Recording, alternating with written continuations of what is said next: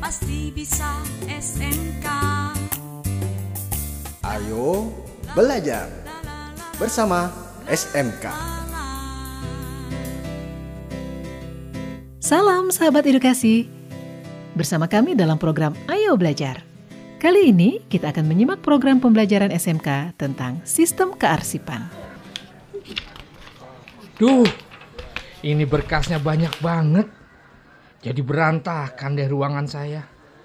Seharusnya dipindahin ke ruangan arsip nih. Pagi Pak Raka, Pagi, ini berkas yang kemarin Bapak minta. Maaf loh, baru dapat saya serahkan sekarang. oh iya, nggak apa-apa. Kamu simpan saja di meja. Saya mau bawa berkas-berkas ini dulu Mau dibawa ke mana Pak berkas-berkasnya? ke ruang arsip. Mau saya bantu bawakan Pak? Oh boleh, boleh. Tapi hati-hati ya. Jangan sampai ada berkas yang jatuh. Takutnya hilang dan rusak. Siap Pak. Sahabat edukasi sudah tahu kan kalau arsip harus disimpan dengan baik? Karena sangat penting, arsip jangan sampai hilang ataupun rusak.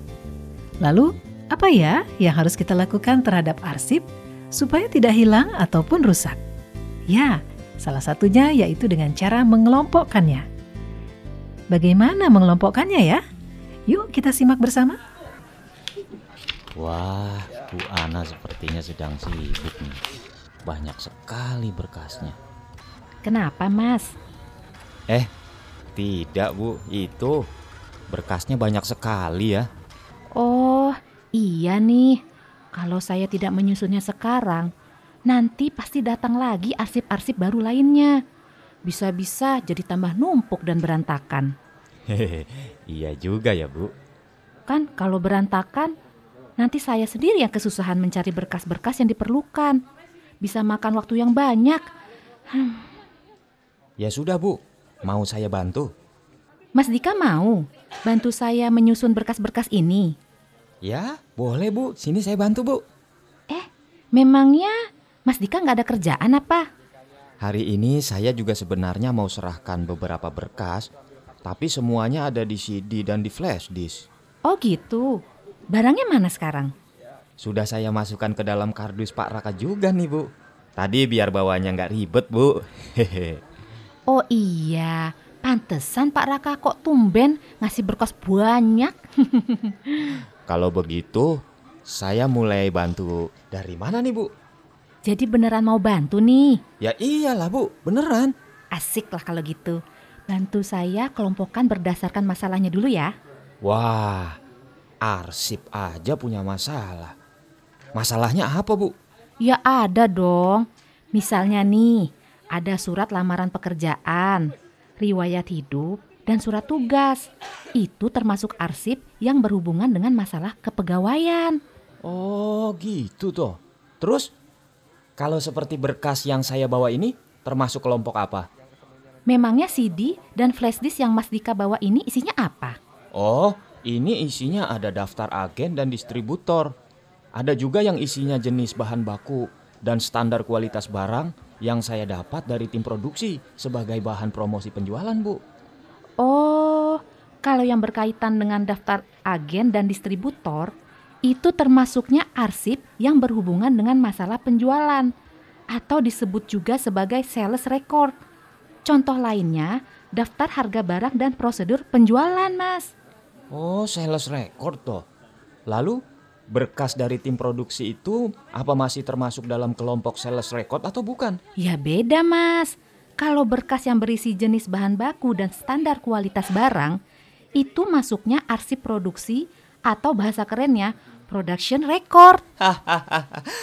Aduh, kalau begitu semua berkas yang berhubungan dengan keuangan termasuk financial record ya, Bu. Betul itu, Mas. Nih, contohnya berkas yang dari Pak Raka ini nih. Ada apa saja tuh, Bu? Di sini ada daftar piutang dan surat tagihan jatuh tempo pembayaran. Kebanyakan sih biasanya dipegang oleh divisi keuangan. Soalnya termasuk ada kwitansi pembayaran, cek, dan giro juga, Mas. Oh iya, nggak bisa disimpan di sembarang tempat dong, atau diserahkan ke sembarang orang ya, Bu?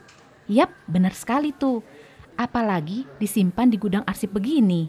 Di sini biasanya hanya untuk menyimpan arsip semi aktif dan inaktif yang mungkin masih diperlukan sewaktu-waktu. Wah, wah, wah. Ada arsip semi aktif dan inaktif segala. Ini bedanya apa lagi nih, Bu? Nah, kalau arsip semi aktif itu arsip yang frekuensi penggunaannya sudah menurun, tetapi kadang-kadang masih dibutuhkan juga.